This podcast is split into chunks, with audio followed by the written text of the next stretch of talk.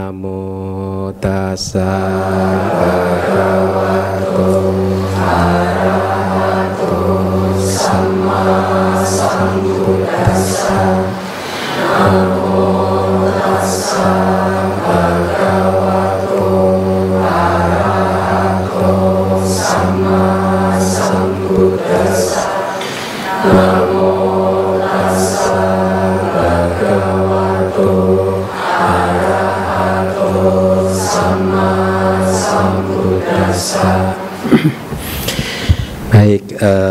selamat malam semuanya.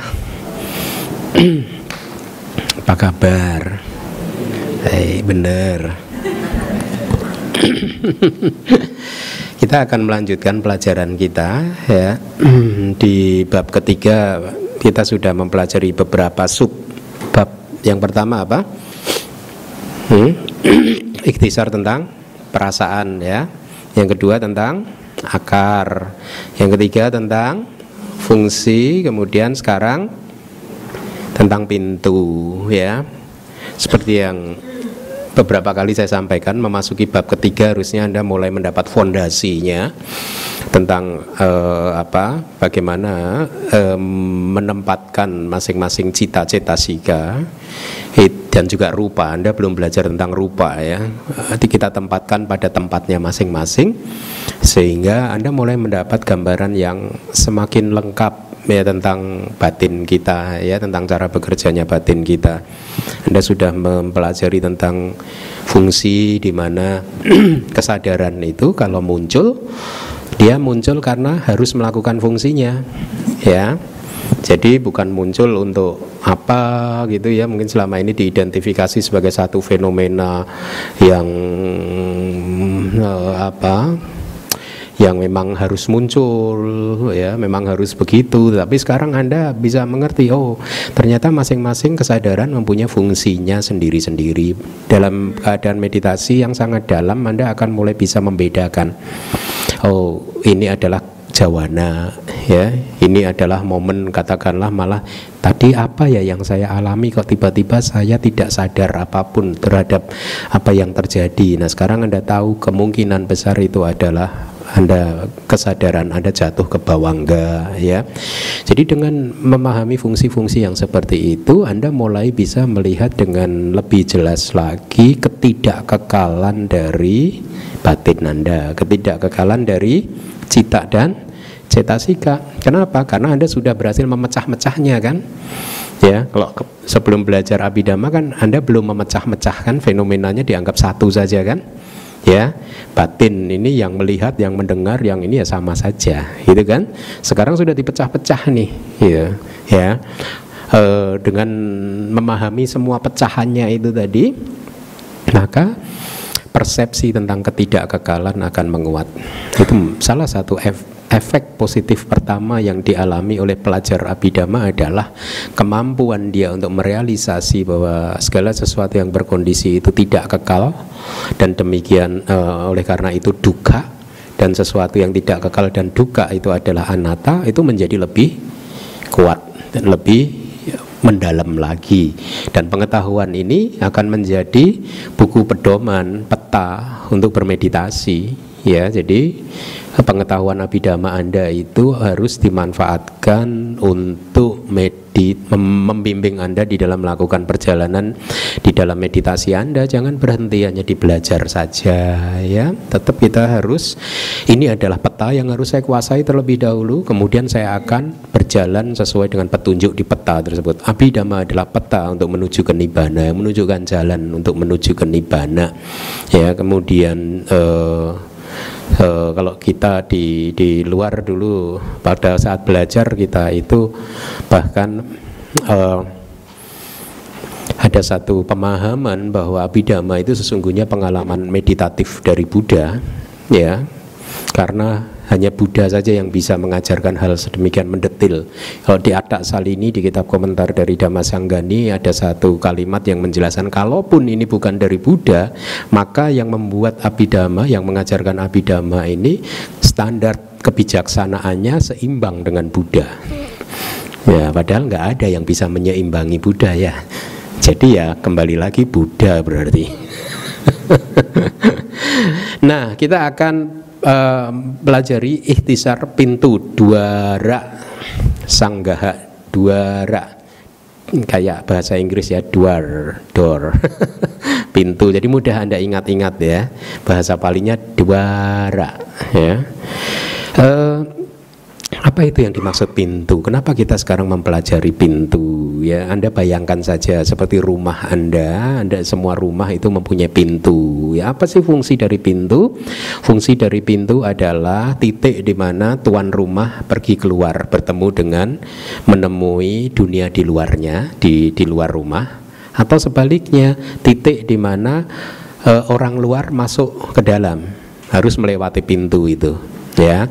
Demikian pula dengan kesadaran. Setiap kesadaran itu mempunyai pintunya masing-masing. Nanti kita akan bahas. Nah, pintu tersebut itu mirip dengan deskripsi pintu di rumah kita. Pintu adalah tempat di mana kesadaran keluar untuk menemui objeknya atau juga bisa di artikan kebalikannya pintu adalah titik di mana objek-objek panca indera itu masuk bertemu dengan kesadaran gitu. Nah, di dalam uh, abidama ke kesadaran cita sika uh, muncul dal melalui masing-masing pintunya, semua pin ada enam pintu.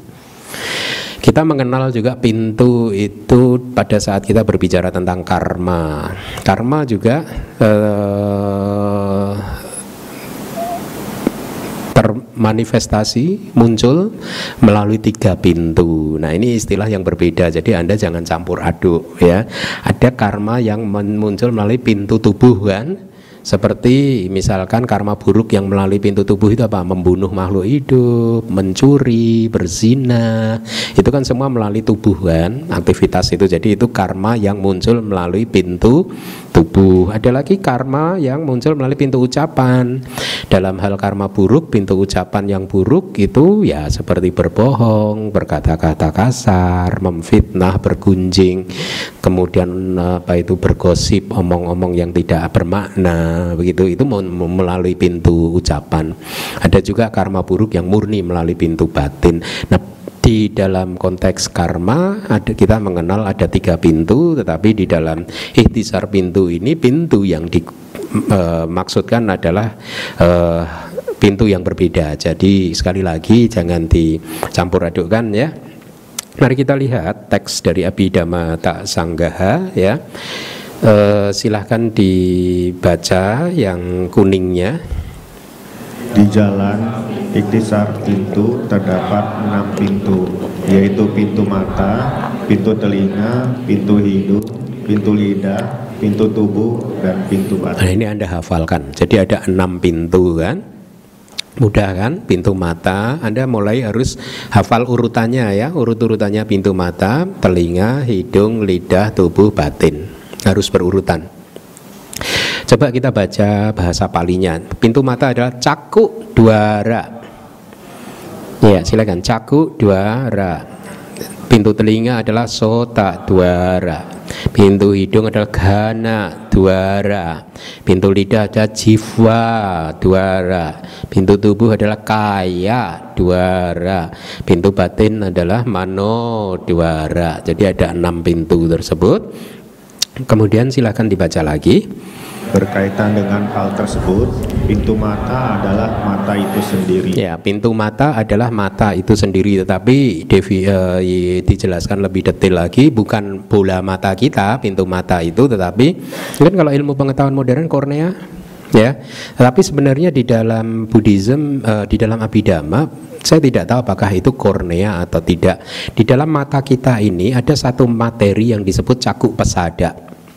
Jadi bentuk rupa kelapa, uh, bukan materi dari cakup pesada ini itu transparan, ya materinya transparan, bening gitu, di mana image objek-objek mata baik itu warna objek mata itu namanya warna atau bentuk oh ya itu terpantul di di di jenis rupa yang bening dan transparan tadi. Adanya di tengah-tengah kornea mata di tengah-tengah bola mata kita itu Ya, itu yang disebut di sini indra mata ya. Tapi nanti di bab 6 Anda akan diajarkan bahwa dia mempunyai nama khusus karena itu adalah fenomena hakiki. Para mata dharma kecil sekali rupa eh, cakup pasada ini bening transparan di mana objek-objek ini terpantul di situ. Inilah mengapa kita akhirnya bisa melihat. Ya. Nah, kemudian silakan dibaca lagi. Demikian pula untuk pintu telinga adalah telinga dan seterusnya. Ya, nanti di bab keempat eh, enam, hmm, ya ke bab ke enam saya rasa dijelaskan bahwa pintu telinga itu adalah eh, sota pasada. Pasada itu apa sih materi yang jernih, bening, transparan gitu ya yang ada di telinga. Jadi adanya di tengah-tengah telinga di dalam ini katanya di dalam ini ada satu bentuk seperti apa ya? Saya agak ini. Di dia dikelilingi rambut-rambut begitu katanya. Nah, itu sebagai sensitivitas telinga kita yang menerima suara sehingga kita bisa mendengar. Hanya satu materi kecil saja. Gitu. Ya. Nanti di bab 6 kita belajar itu.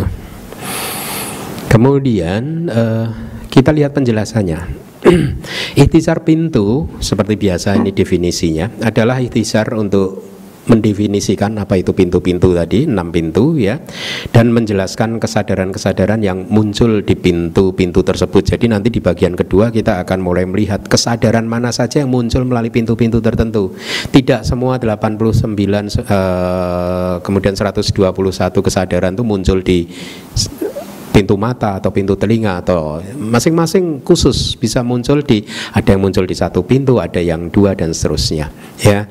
Nah tadi kita baru sampai telinga ya. Indera hidung juga sama dia sensitivitasnya itu ada di di dalam hidung gitu tidak seluruh hidung ini. Jadi itu namanya juga hmm, gana pesada gitu. Jadi hanya satu materi kecil ya transparan juga adanya di dalam hidung kita gitu yang Uh, salah satu kemampuan, karakteristik dan fungsinya adalah menerima aroma bau gitu.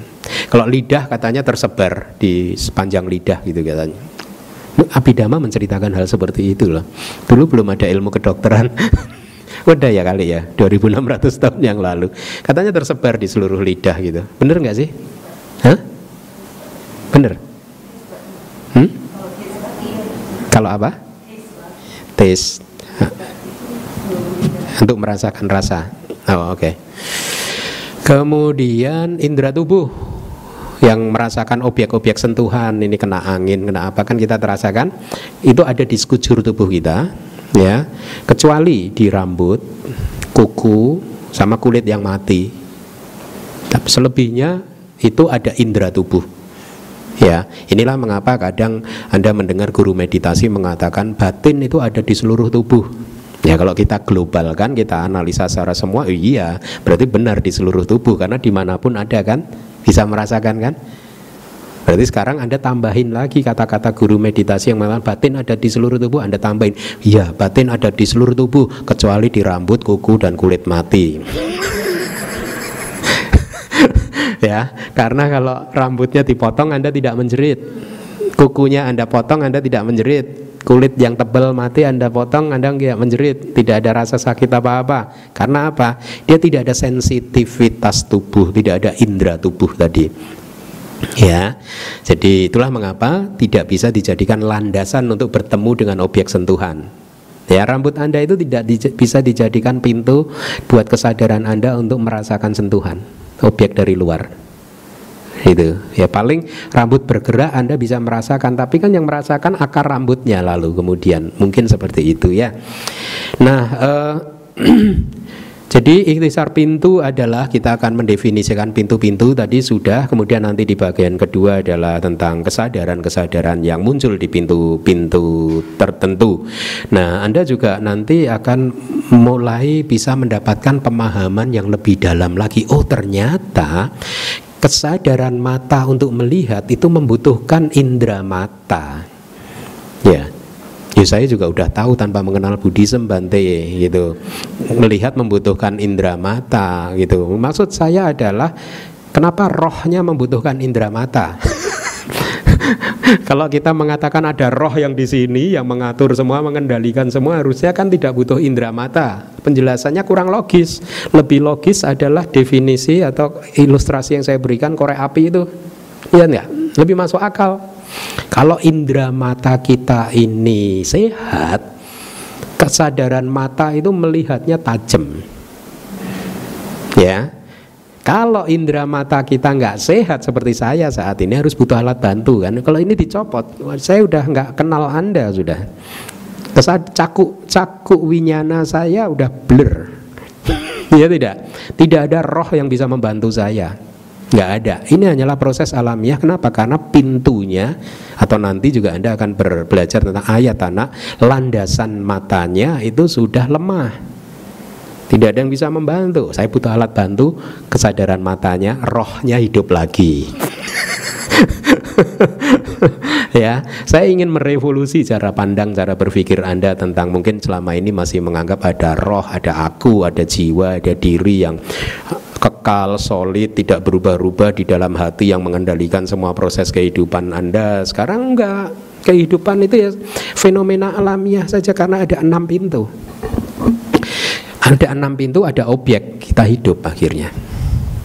Ada kehidupan. Saat ini Anda mendengar suara saya karena suara saya masuk melalui pintu telinga Anda.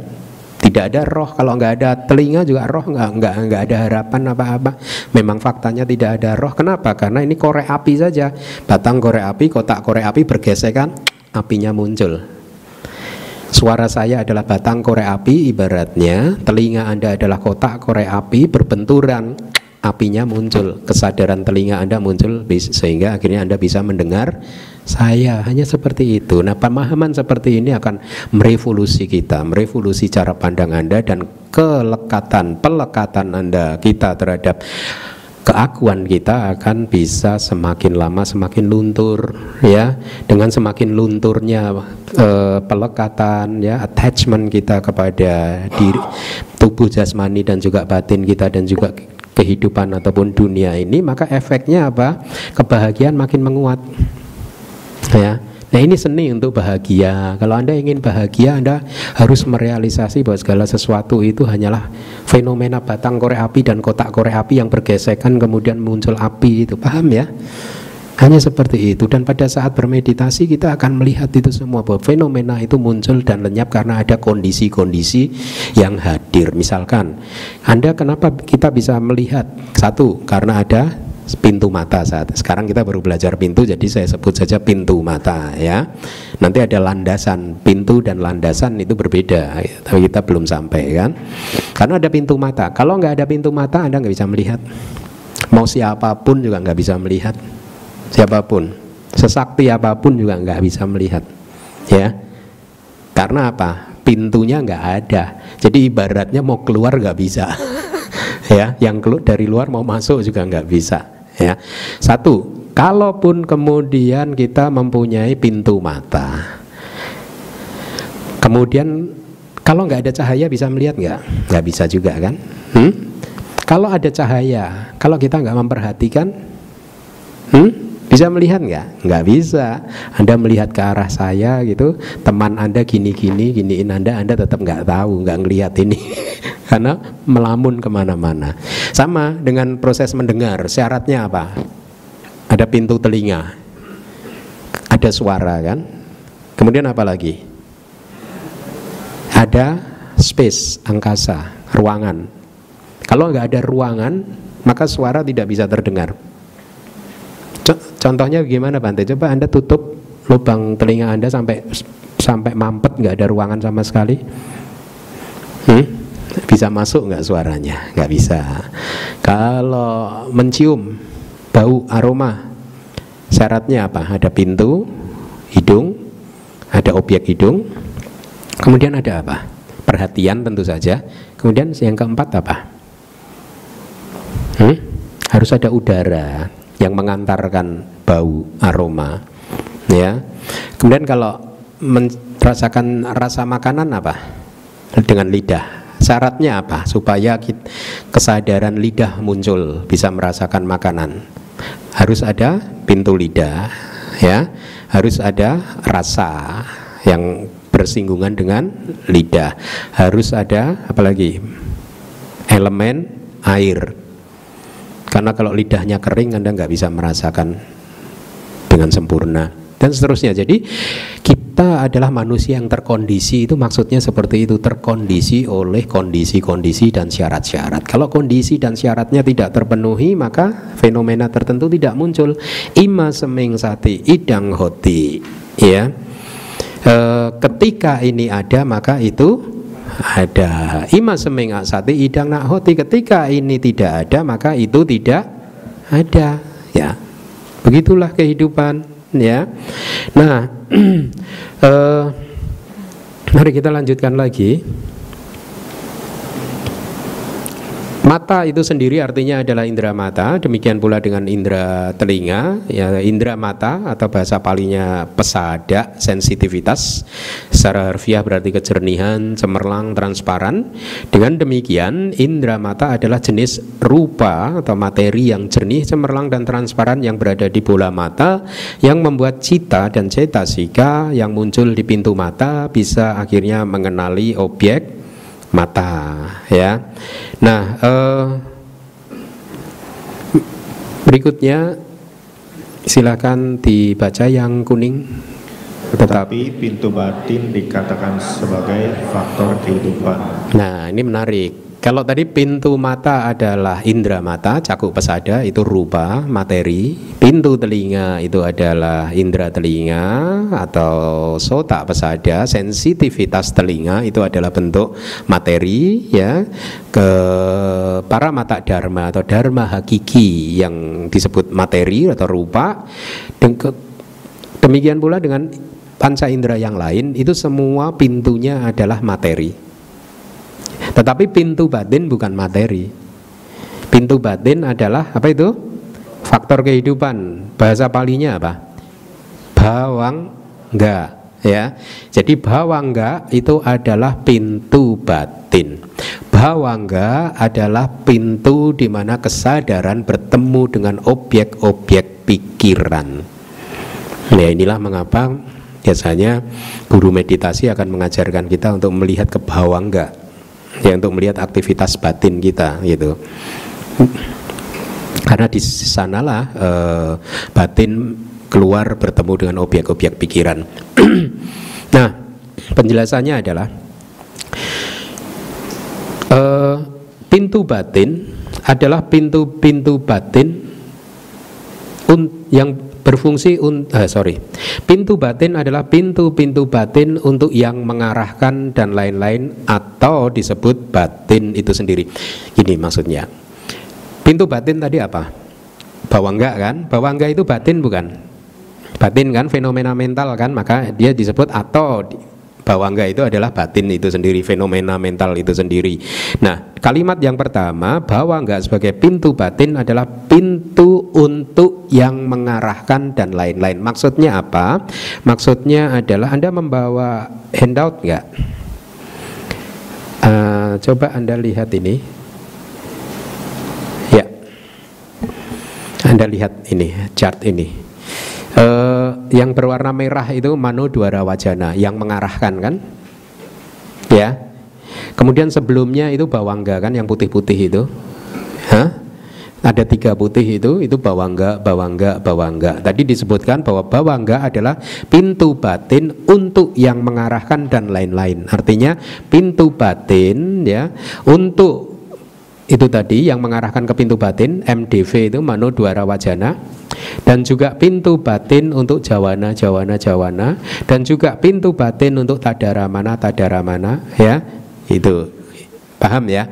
Jadi kesadaran-kesadaran mano dwara wajana jawana tadara mana dia keluar menemui objeknya melalui bawangga sebagai pintu batin aktivitas mental ya Mari kita kembali lagi. Nah, ada kalimat seperti ini di kitab komentar dari uh, sub komentar dari Abhidhamma Sanggaha ya. Pintu batin adalah faktor kehidupan atau bawangga yang muncul tanpa jeda dengan yang mengarahkan. Ini ini dari Wibawinitika artinya yang disebut pintu batin menurut pengarang buku Wibawinitika adalah satu bawangga sebelum Manodwara Wajana tadi. Paham ya? Itu yang dimaksudkan pengarang Wibawini dia seperti itu pendapatnya. Hanya bawangga yang sebelum Manodwara Wajana yaitu bawangga upaceda atau bawangga yang memutus memutus arus bawangga ya. Nah, itu yang dimaksudkan oleh penulis buku Wibawinitika sebagai pintu batin. Tidak semua bawangga menurut beliau, tetapi hanya satu bawangga yang muncul persis sebelum Mano Dwara Jana. Ya. Demikianlah penulis di zaman dahulu telah mengatakan faktor kehidupan yang muncul sebelum yang mengarahkan dikatakan sebagai pintu batin batin gitu ya. Ada berapa bawangga cita? Hmm? Ada berapa bawangga cita? Tiga. Hah? Pelit amat. Ada berapa? Hmm? Mama, mama. Sembilan belas ya. Nah, uh, masih ingat nggak apa saja 19 bawang cita itu? Hmm? Hmm? Pertama apa bawangga yang 19? Satu Delapan oh, Oke okay, dari ahituka cita dulu berarti Apa? Dua UPK Santirana ya Terus Delapan Mahawipaka Terus Lima atau mahagata digabung berarti sembilan. Mahagata wipaka berarti udah berapa? Pas 19 ya? 2 8 5 4 19 kan? Ya. Nah penulis Wiba Winitika hanya berpendapat bahwa yang disebut pintu batin hanyalah bawangga yang muncul persis sebelum awajana bisa sebelum Manodwara Wajana, bisa juga sebelum Panca Dwara Wajana. Kan ada dua yang mengarahkan kan? Yang mengarahkan ke pintu Panca Indra, yang mengawali proses uh, kognitif di pintu Panca Indra itu adalah panca dwara wajana atau yang mengarahkan ke pintu panca indera atau mano dwara wajana sebagai kesadaran yang mengarahkan ke pin, apa uh, awal dari proses kognitif di pintu batin ya jadi di situlah itu Bawangga yang muncul sebelum itu tadi itu yang menurut penulis Wibawinitika adalah pintu batin. Tetapi sesungguhnya karena di Abhidhamma tidak pernah dijelaskan uh, seperti ini, Abhidhamma hanya Pitaka hanya mengatakan bahwa pintu batin itu bawangga. Kemudian murid-murid Buddha kemudian mendeskripsikannya sehingga sedikit berbeda seperti penulis dari Wibawinitika yang mengatakan bahwa bawangga adalah uh, pintu batin adalah bawangga yang muncul sebelum awajana sebelum yang mengarahkan gitu. Nanti ada lagi penulis lain yang berpendapat bahwa yang disebut pintu batin adalah bawangga tadi yang muncul sebelum uh, yang mengarahkan bersama-sama juga dengan kesadaran yang mengarahkan itu sendiri itu juga disebut sebagai pintu batin gitu. Tetapi pendapat ketiga ada lagi yang mengatakan bahwa no no no semua bawangga itu adalah pintu batin yaitu di negeri-negeri Buddhis di mana abidama dijunjung tinggi seperti di Myanmar biasanya kita e, berpegang pada pendapat yang terakhir bahwa yang disebut pintu batin adalah semua bawangga. Ya karena memang bisa diverifikasi melalui meditasi bahwa semua bawangga itu berfungsi sebagai pintu batin ya. Baik mari kita lanjutkan. Berarti e, posisi kita di sini adalah pintu batin itu yang mana semua bawangga. Tidak kita spesifikasikan yang sebelum yang mengarahkan atau sebelum yang mengarahkan bersama dengan yang mengarahkan bukan, tapi semua bawangga tanpa terkecuali mereka semua 19 kesadaran itu adalah pintu batin. Mari kita baca lagi. Sehubungan dengan hal tersebut, 46 kesadaran muncul di pintu mata sesuai dengan caranya masing-masing yeah. yaitu yang mengarahkan kelima pintu, kesadaran mata, yang menerima, yang menginvestigasi, yang memutuskan, impuls lingkup indrawi, dan yang mempertahankan. Cukup. Kelihatannya susah untuk menghafal. Tetapi kalau Anda hafal diagram proses kognitif, coba Anda lihat proses kognitifnya ada nggak? Anda lihat ya, yang pintu panca indera. Anda lihat. Sebelum ada objek, arus kesadaran kita jatuh ke arus kesadaran bawangga kan? Kemudian ada objek muncul sehingga akhirnya arus bawangganya terganggu kan? ya terganggu untuk tiga momen tiga cita kana tiga momen kesadaran kan bawangga masa lalu bawangga bergetar kemudian bawangga yang memutus arus ya setelah bawangga yang memutus arus kemudian muncul apa panca duara wajana kan ya nah sekarang kita lihat kita kan ini tadi sehubungan dengan hal tersebut 46 kesadaran muncul di pintu mata kita analisa sekarang 46 itu yang mana panca duara wajana satu kan Sampati setelah itu apa? Hmm? Setelah panca dewa wajana apa? Hmm? Yang menerima atau sampati cana ada berapa? Kesadarannya? Dua kan berarti? Tiga. Setelah yang menerima apa? Yang menginvestigasi ada berapa kesadarannya? Tiga kan berarti enam ya. Kemudian setelah yang menginvestigasi apa? Yang memutuskan kan? Ada berapa kesadaran? Satu, tujuh. Setelah yang memutuskan kemudian apa? Jawana kan? Ada berapa jawana? Ada berapa jawana? 55 loh kok lebih Bante Nah sekarang saya kasih tahu.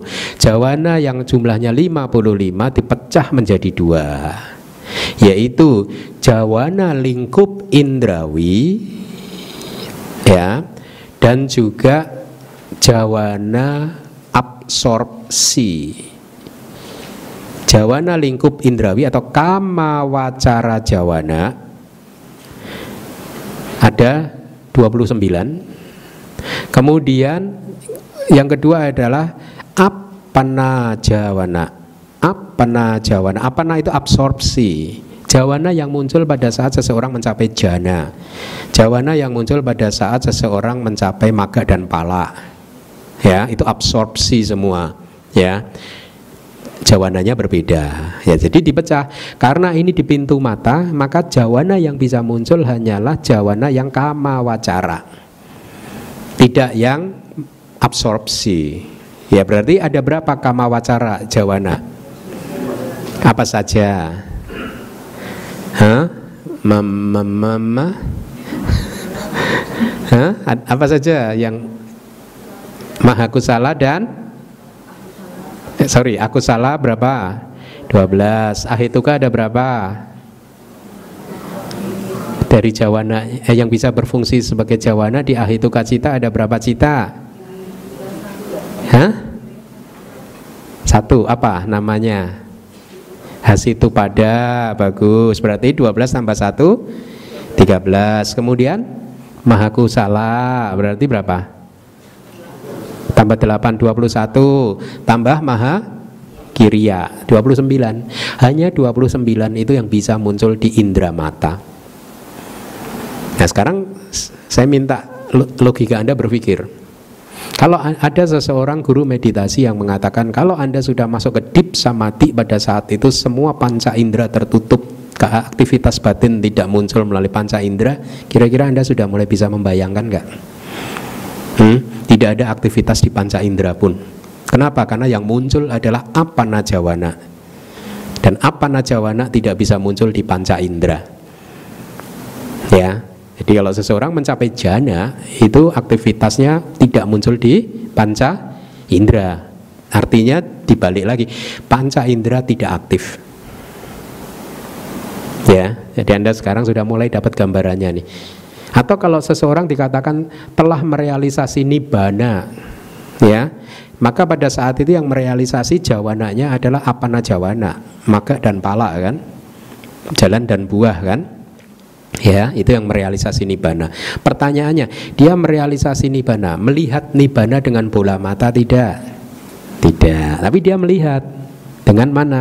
Melalui mana? Pintu batin, bukan indera mata. Semua panca indera sudah tidak bekerja sudah dilampaui kira-kira seperti itu ya Berarti Anda sudah mendapatkan 46 Eh belum, udah ya? Oke Tulangin lagi berarti Tadi panca dua wajana satu Sampati canan Terus santirana 6 Mano dua wajana 1 7 Tambah 29 ya Berarti 36 36 sekarang setelah jawana ya di chart Anda apa? Tadara mana ada berapa tadara mananya? Hah? Hah? Hah? Sebelas Kira semua sebelas enggak? Diambil enggak? Sebelas itu apa saja? Tiga santirana Delapan maha wipaka Tiga santirana udah Anda ambil tadi Di santirananya kan sudah kan? Berarti tidak dihitung lagi Berarti tinggal delapan maha wipaka Klop enggak? 7 dan 29 36 Oh caku ya caku caku wi caku winyananya belum. Tambah dua lagi kan? Mari kita hitung. 46 kesadaran bisa muncul di pintu mata berarti kita hitung kembali. Pancadora wajana satu caku winyana dua berarti tiga. Sampati cana cita dua kan? Yang menerima berarti lima. Santirana cita tiga delapan. Kama wacara jawana atau disingkat kama jawana. Kama jawana ya 8 tambah 29 ya berarti ya 37 ditambah eh kok Hmm? 8 ditambah berapa tadi? 29 kan? 37 kok enggak? Hmm? 46 ada yang kita lihat lagi Hah? Kita lihat lagi. Panca dwarana satu. Yuk hitung yuk. Terus caku winyana sampaticana santirana. Manodwara belum tadi. Manodwara satu kan, sembilan kan, ditambah 29 kama jawana, 38 ditambah 8 tadara mana? Klop 46. Oke. Sekarang tes. Berapa kesadaran yang bisa muncul di pintu telinga? Sama 46 tapi Anda rubah cakuk winyana dengan sota Winyana sama. Berapa kesadaran yang muncul di pintu hidung? Sama, 46 Anda rubah yang tadi eh, kesadaran hidung, eh sorry, kesadaran telinga Anda rubah ganti dengan kesadaran hidung. Berarti di pintu panca indera hanya ada 46 kesadaran yang bisa muncul. Tidak semua kesadaran bisa muncul di pintu panca indera. Kalau Anda total sekarang ada berapa kesadaran yang bisa muncul di panca indera? Berapa coba? Hmm? Kan ada yang overlap, ada yang irisan-irisan. Uh, saya istirahat dulu nanti kabari kalau sudah ketemu jawabannya. Hah? 54 ya. Jangan melihat catatan, lebih baik Anda membayangkan supaya hafal, mudah untuk hafal. 54, kenapa? Kan 46 kan tadi kan, ditambah 8. 8 sota winyana, gana winyana dan seterusnya 8 kan? 46 tambah 8, 50 4 54 ini adalah disebut 54 kama wacara cita. Ketemu lagi nyambung ke situ lagi. Jadi 54 tadi disebut kesadaran lingkup indrawi. Inilah mengapa mereka itu karena munculnya di indra-indra kita, di panca indra kita. Paham? Ya. Baik Demikian pula halnya di pintu telinga juga 46, pintu hidung juga 46 dan seterusnya. Oh ada ya tulisannya ya. Ada ya. Pada baca sini ya tadi ya. Itulah efek enaknya kalau punya guru biku itu. Terlalu baik gurunya itu. ya. Nah, kira-kira sudah paham ya e, tabel proses kognitif di pintu panca indera Anda hafalkan. Cara menghafalkannya dengan ilustrasi cerita apa? Pohon mangga. Ya. Itu Anda hafalkan. Karena itu akan bermanfaat sekali nanti untuk ke bab-bab berikutnya, ya. Baik. Mari kita baca lagi. Silakan. Akan tetapi di pintu batin terdapat 67 kesadaran yaitu yang mengarahkan ke pintu batin 55 impuls dan yang mempertahankan. Nah, sekarang uh, ini agak berbeda. Kalau berapa kesadaran yang bisa muncul di pintu batin, Anda melihatnya chart yang proses kognitif pintu batin tadi. Anda masih ingat gak? Bawa enggak, bawa enggak, bawa enggak, kemudian Manu Dwara Wajana ada berapa? Satu. Setelah Manu Dwara Wajana apa? Jawananya berapa? Di sini 55 semua. Ya karena kita tidak bicara jana, tidak berbicara tentang realisasi nibana. Kita berbicara tentang kesadaran yang bisa muncul di pintu batin. Itu semua jawana. Aku salah cita juga bisa muncul di batin kita, di hati kita. Bisa nggak? Anda tidur bermimpi dikejar-kejar oleh orang yang Anda tidak suka muncul dosa mula cita di mimpi Anda, ya enggak? Iya enggak? Orangnya enggak ada nih. Tapi dosa mula cita muncul di hati Anda kan, di bawah enggak Anda kan? Eh? Uh, melalui bawangga lah karena pintunya adalah bawangga kan nah berarti Mano Dwara Wajana satu semua jawana diambil 55 berarti 56 kemudian 11 tat daramana berarti 56 tambah 11 67 cocok ya Oke. Nah, uh, selanjutnya ini tabelnya saya coba buatkan untuk mempermudah Anda. Itu bisa Anda pelajari Pancadwara Wajana, Caku Winyana, Sampadicana dan seterusnya ya. Kalau di pintu mata itu, pintu telinga itu yang muncul itu ya. Uh, dengan mengganti caku winyana dengan sota winyana itu tanda mahkota itu artinya sama gitu ya sama dengan jenis kesadaran di pintu mata itu ada keterangan di bawahnya gitu jadi ini untuk mempermudah Anda. Kemudian proses kognitif pintu mata yang lengkap ya karena ada nanti proses kognitif pintu mata yang tidak lengkap, tetapi karena kita sedang berbicara di tahap ini di bab ketiga maka chart tabel ya atau skema yang kita pakai adalah yang proses lengkap itu seperti itu Anda hafalkan. Kemudian proses kognitif di pintu batin juga prosesnya seperti itu ya. Jadi sekali lagi ada berapa jawana? 55 dibagi menjadi berapa kelompok sub kelompok jawana? Dua, apa saja? Kama jawana, kama jawana atau kama wacara jawana ada berapa? 29, apa saja? 12 aku salah cita, satu hasitu pada cita. Delapan mahawipaka. Delapan maha kiria. Oh maha kusala maha kiria. Terima kasih muridnya pinter-pinter. Bagus berarti satinya. Maha kusala dan maha uh, kiria sorry. Kemudian kelompok yang kedua disebut apa? Apana jawana. Absorpsi jawana. Atau kadang disebut juga mahagata jawana ya kesadaran atau jawana yang lebih tinggi gitu. Ada berapa?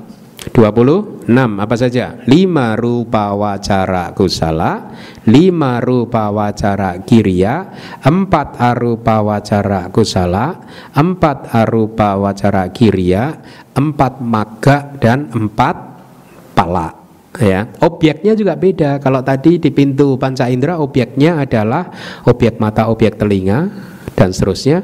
Kalau di apana objeknya sudah bukan objek-objek kamawacara bukan objek lingkup indrawi tetapi objeknya apa? Objek mahagata nanti. Ya setelah ini kita akan belajar objek gitu. Beda objeknya itu termasuk juga objeknya salah satunya adalah nibbana gitu.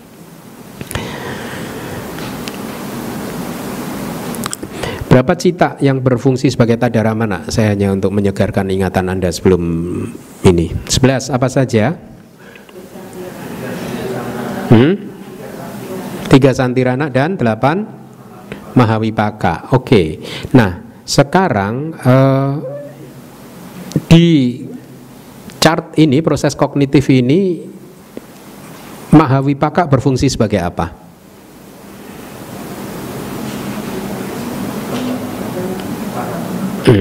Mahawipaka ber, berfungsi sebagai Oke, bagus. Ber, di sini dia berfungsi sebagai tadaramana. Sekarang pertanyaan berikutnya, ada berapa fungsi yang bisa dilakukan oleh Mahawipaka?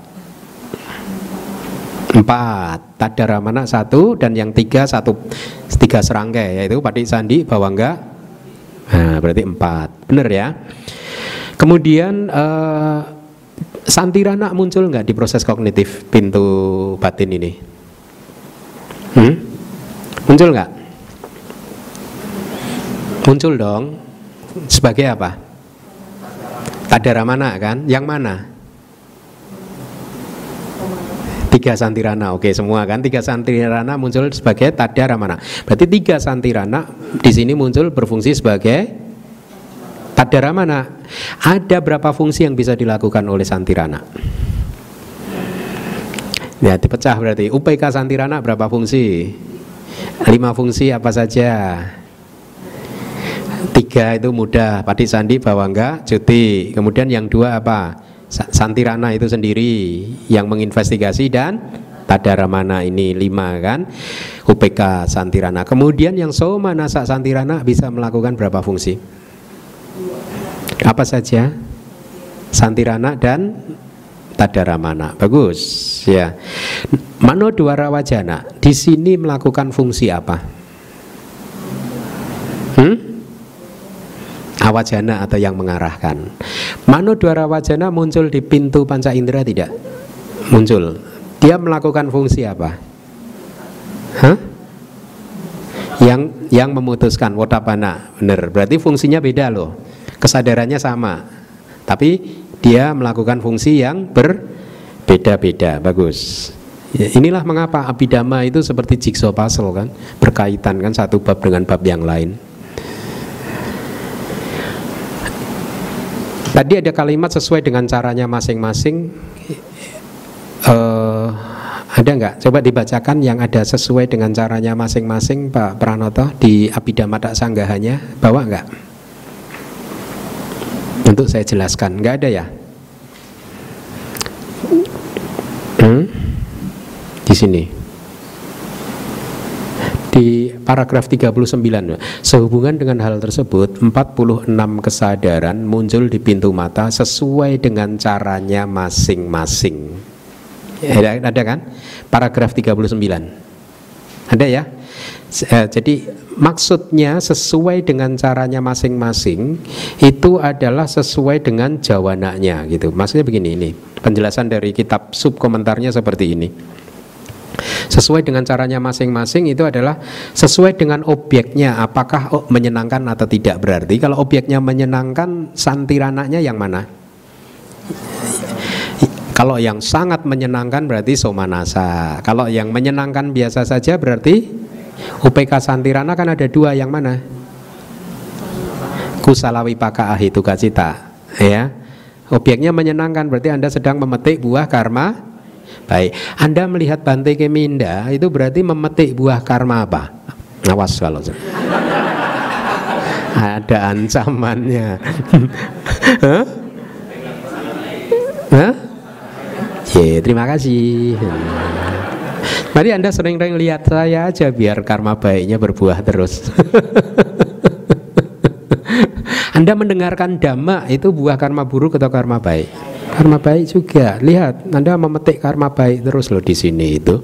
Ya, sesuai dengan obyeknya itu maksudnya. Berarti kalau obyeknya itu menyenangkan, santirananya yang kusalawi paka Kemudian kalau yang nanti ada tadara manaknya juga bisa berbeda gitu ya. Yang sampati canaknya juga yang kusalawi paka, cakuk winyananya juga yang kusalawi paka begitu penjelasannya ya. Kemudian Yuniso manasikara atau yun, uh, Yuniso manasikara menentukan kualitas impuls. Nih lihat, Anda yang menentukan jawana Anda, bukan siapa-siapa. Anda masih ingat jawana itu adalah reaksi kita terhadap objek kan? Jawana itu adalah di mana momen di mana karma itu diciptakan kan? Siapa yang menciptakan karma? Kita. Ya. Jawana itu bisa kusala, bisa aku salah jawana tergantung pada sikap batin ki Nah, kalau kita menerapkan yoniso manasikara, perhatian yang bijaksana bahwa segala sesuatu anicca, duga dan anatta, maka pada saat kita sedang memetik buah karma buruk mendengar suara-suara yang tidak kita tidak menyenangkan, kita tetap mengembangkan jawananya maha kusala. Bagus kan? Atau sebaliknya juga kalau kita tetap misalkan mendengar kata-kata pujian seperti Anda baru saja memuji saya, saya langsung yoniso manasikara ya anicca duga dan anata. Akhirnya apa? Saya mendengar pujian anda dengan jawana saya maha kusala tetap positif. Oleh karena itu latihlah batin anda supaya terus menerus terbiasa mengembangkan yoniso manasi kara. Yaitu apa sih Yuniso manasikara perhatian yang bijaksana dengan terus menerus melihat ya merenungkan bahwa apa pun yang kita alami itu hanyalah fenomena yang terkondisi itu penting untuk Anda pahami supaya hubungan sebab dan akibat itu Anda pahami secara kuat bahwa segala sesuatu muncul karena ada yang mendahuluinya. Karena ada sebab dan kondisi, syarat yang sudah yang dibutuhkan yang tersedia sehingga dia muncul, gitu kan? Ima seming sati idang hoti, ima seming sati idang nak hoti, ya. Ketika ini ada itu ada, ketika ini tidak ada maka itu tidak ada, ya. Ima seming uh, uh, um, imasu pada idang upajati. Ketika ini muncul maka itu muncul. Imasa niroda idang nirujati ya. Ketika ini uh, dengan kelenyapan ini maka itu pun juga lenyap gitu. Jadi segala sesuatu itu hanya seperti itu dengan memahami bahwa segala sesuatu itu ternyata hanyalah fenomena yang berkondisi, terkondisi artinya apa? Dia adalah fenomena yang tidak independen ya, yang tidak muncul dari somewhere, dari mana pun. Dia muncul karena ada sebab yang mendahuluinya, ada kondisi yang mendahuluinya. Ya, segala sesuatu ya.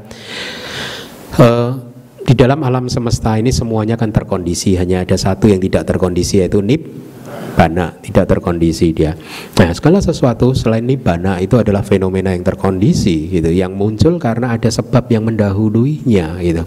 Nah oleh karena itu dengan mengembangkan yuniso manasikara dengan melihat bahwa apa pun yang terjadi ya ini adalah fenomena yang anicca duga dan anatta maka anda membangkitkan mengembangkan maha kusala jawana ya. Jadi dengan uh, apa terus menerus melatih seperti itu maka batin anda akan terbiasa bersikap positif. Hati-hati loh. Pada saat kita sedang memetik buah karma baik bisa saja kita malah mengembangkan aku salah jawana loh. Hmm? kalau kita penuh pelekatan loba jawananya loba mula cita padahal sedang memetik buah karma baik Hmm? Rugi nggak?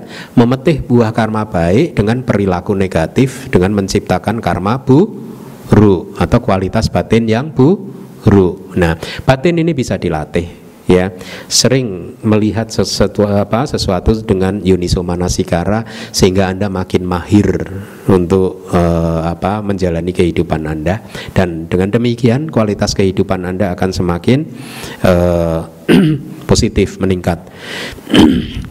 uh, poin yang ketiga adalah apakah rangkaian arus kesadaran bebas apakah rangkaian arus kesadarannya sudah terbebas dari tendensi laten sudah tidak ada anus saya lagi ya atau masih ada. Artinya apa? Ini ini deskripsi untuk arahat. Arahat kan sudah tidak ada anusayanya, tidak ada tendensi laten, tidak ada kilesa yang tertidur lagi. Paham nggak? Tendensi laten anusaya. Ya. E, saat ini kilesa-kilesa kita tidak muncul di arus permukaan. Karena apa? Mereka sedang tertidur. Hmm? Kalau nanti Anda istirahat, ada yang mencolek Anda langsung gitu. Bangun dari tidurnya ya. Arahat sudah tidak ada mau dicolek diganggu apa dia akan cool stay cool terus dia ya. Jadi kalau arus kesadarannya sudah bebas dari tendensi laten atau anu saya berarti jawananya apa? Maha kiria ya kan? Kalau belum terbebas dari tendensi laten jawananya berarti apa? Bisa aku salah bisa maha kusala kalau kalau arahat berarti kemungkinannya tidak hanya mahakirya. Kalau yang kama wacara Jawa nah ada satu lagi hasitu pada. Ya, baik. Kira-kira seperti itu.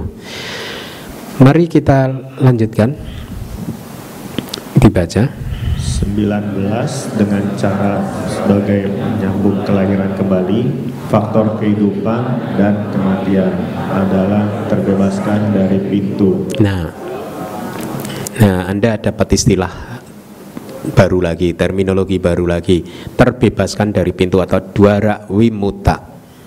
Ya, jadi 19 kesadaran ya yang eh, disebut pintu batin tadi atau bawangga tadi ya itu dia dikatakan sebagai kesadaran yang terbebaskan dari pintu.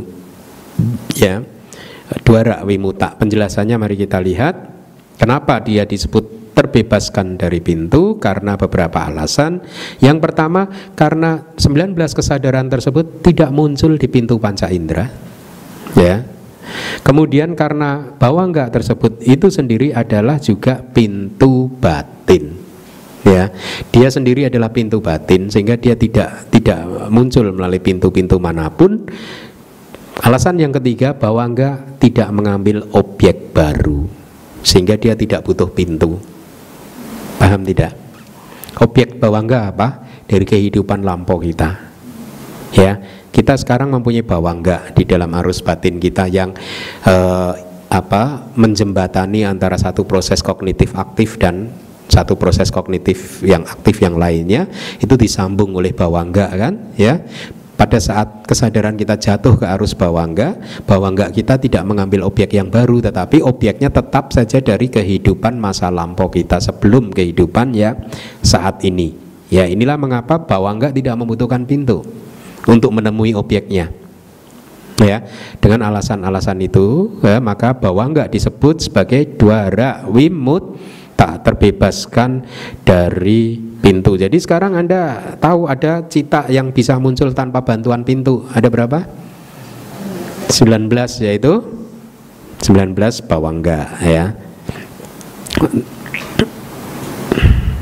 Nah, eh,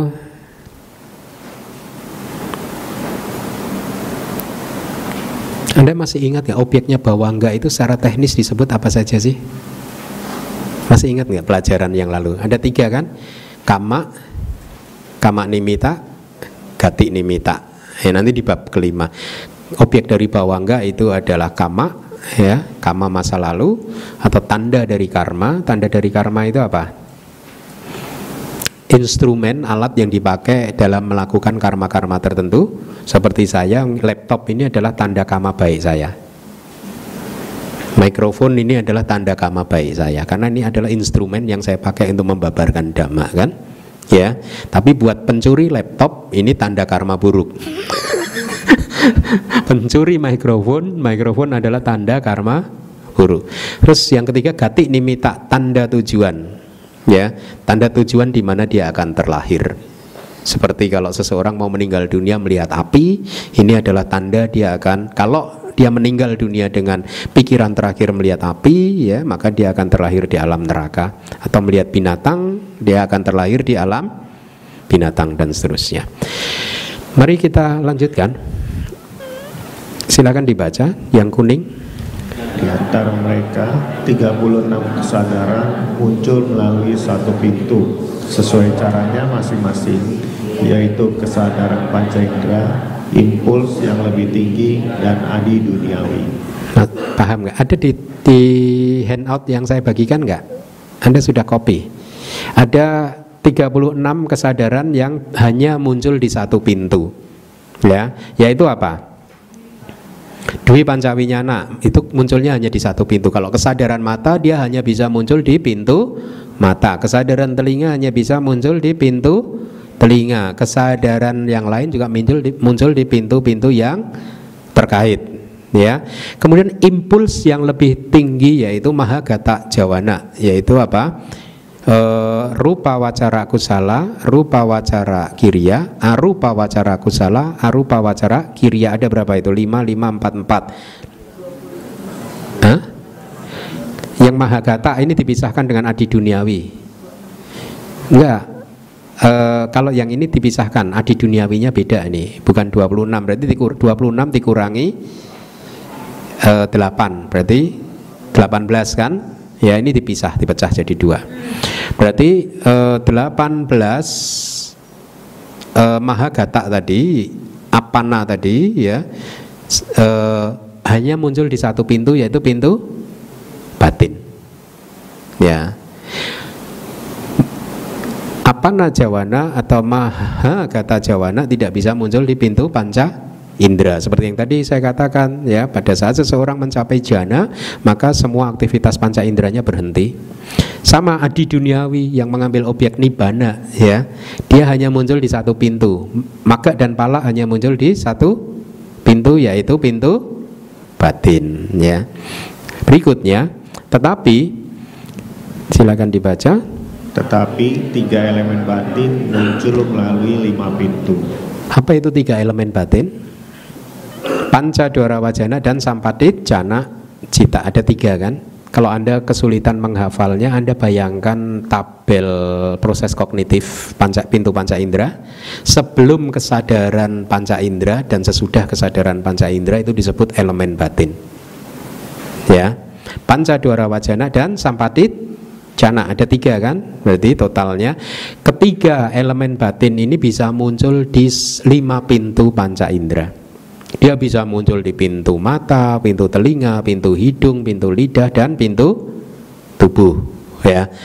Karena dia di setiap proses itu ya, di setiap proses kognitif pintu panca indera dia selalu muncul juga kan? Ya. Kemudian silakan lagi dibaca kesadaran-kesadaran investigasi dengan sukacita yang memutuskan dan impuls lingkup indrawi muncul melalui enam pintu. Ya, investigasi dengan sukacita kenapa bisa muncul di enam pintu? Kalau di pintu panca indera mudah. Kapan investigasi dengan sukacita muncul di pintu batin? Pada saat dia melakukan fungsi sebagai apa? Tadara mana? Bagus. Yang memutuskan kenapa enam pintu? pada saat dia muncul di pintu batin dia berfungsi sebagai apa? Yang mengarahkan impuls lingkup indrawi ya bisa muncul di pintu panca eh ya impuls lingkup indrawi bisa muncul melalui pintu mata telinga dan seterusnya atau juga di pintu batin pada saat dia muncul di pintu batin Anda bisa memberi contoh nggak Misalnya seperti apa?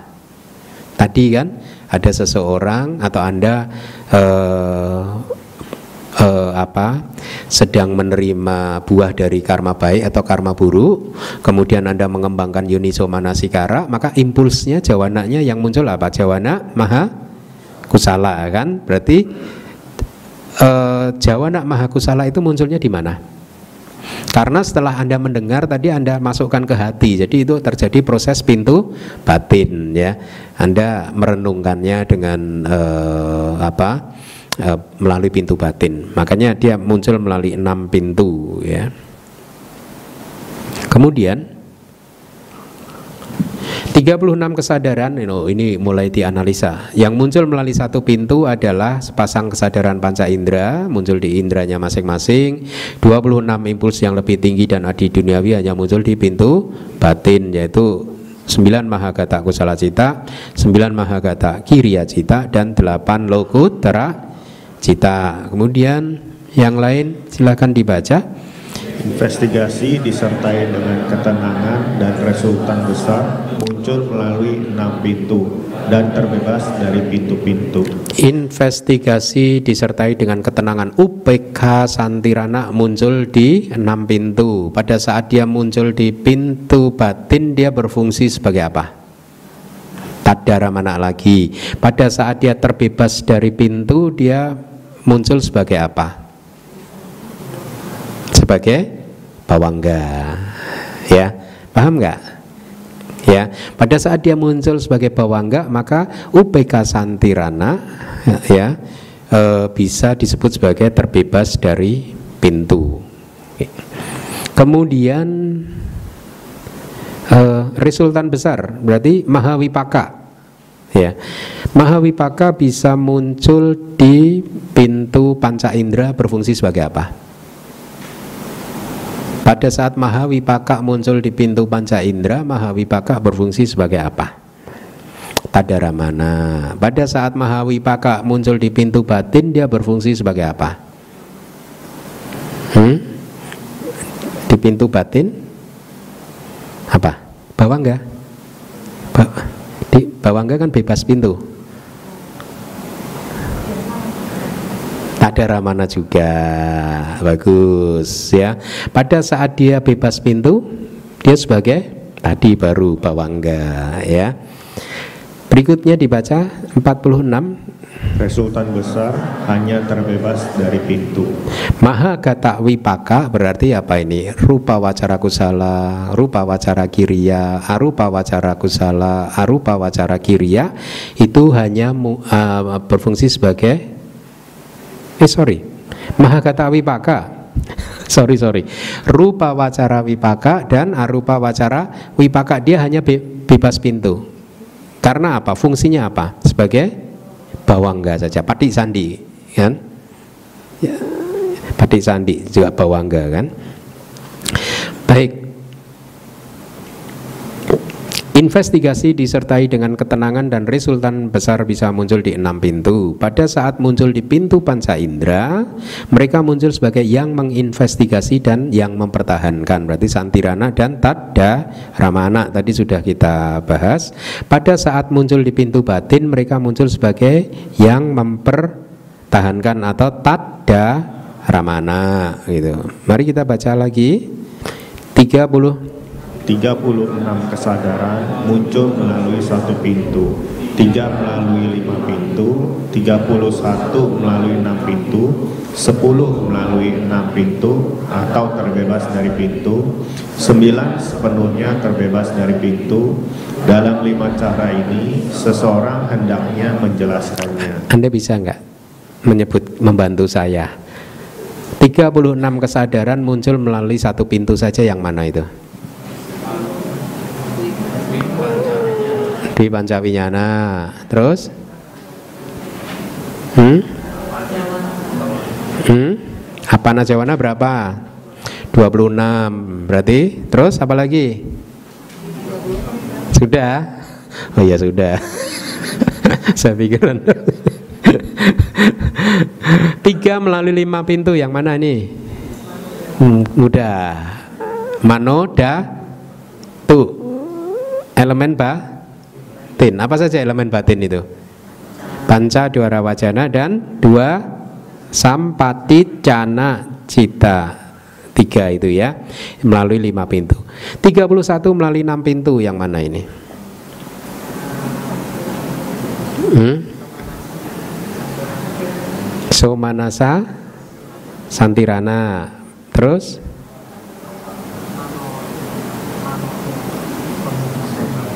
coba ada yang bisa menyebutkan?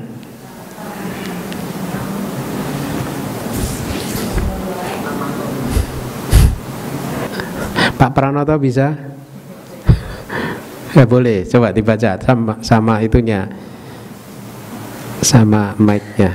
6 pintu 31 terdiri dari Somanasa Santirana 1, Wotapana 1 dan Kamajawana 29. Hmm? Sekarang pertanyaannya, Soma Nasa Santirana muncul di enam pintu. Berfungsi sebagai apa saja di situ? Investigasi dan tadaramana. Kemudian eh, kam, kamajawana ya. Wotapana dulu ya. Wotapana dia muncul di enam pintu berfungsi sebagai apa? Yang memutuskan dan yang mengarahkan. Kama Jawana muncul di enam pintu berfungsi sebagai apa saja? Jawana saja ya. Ya.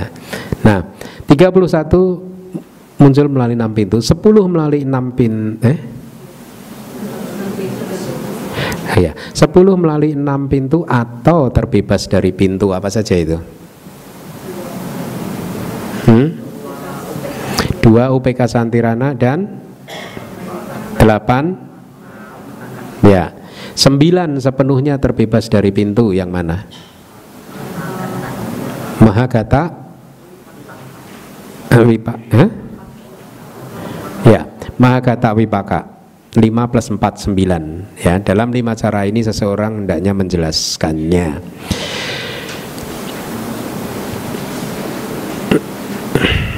itu ada kan? Lebih bagus tidak melihat. Jadi kita berpikir kan? Jadi dengan demikian selesailah sudah kelas kita.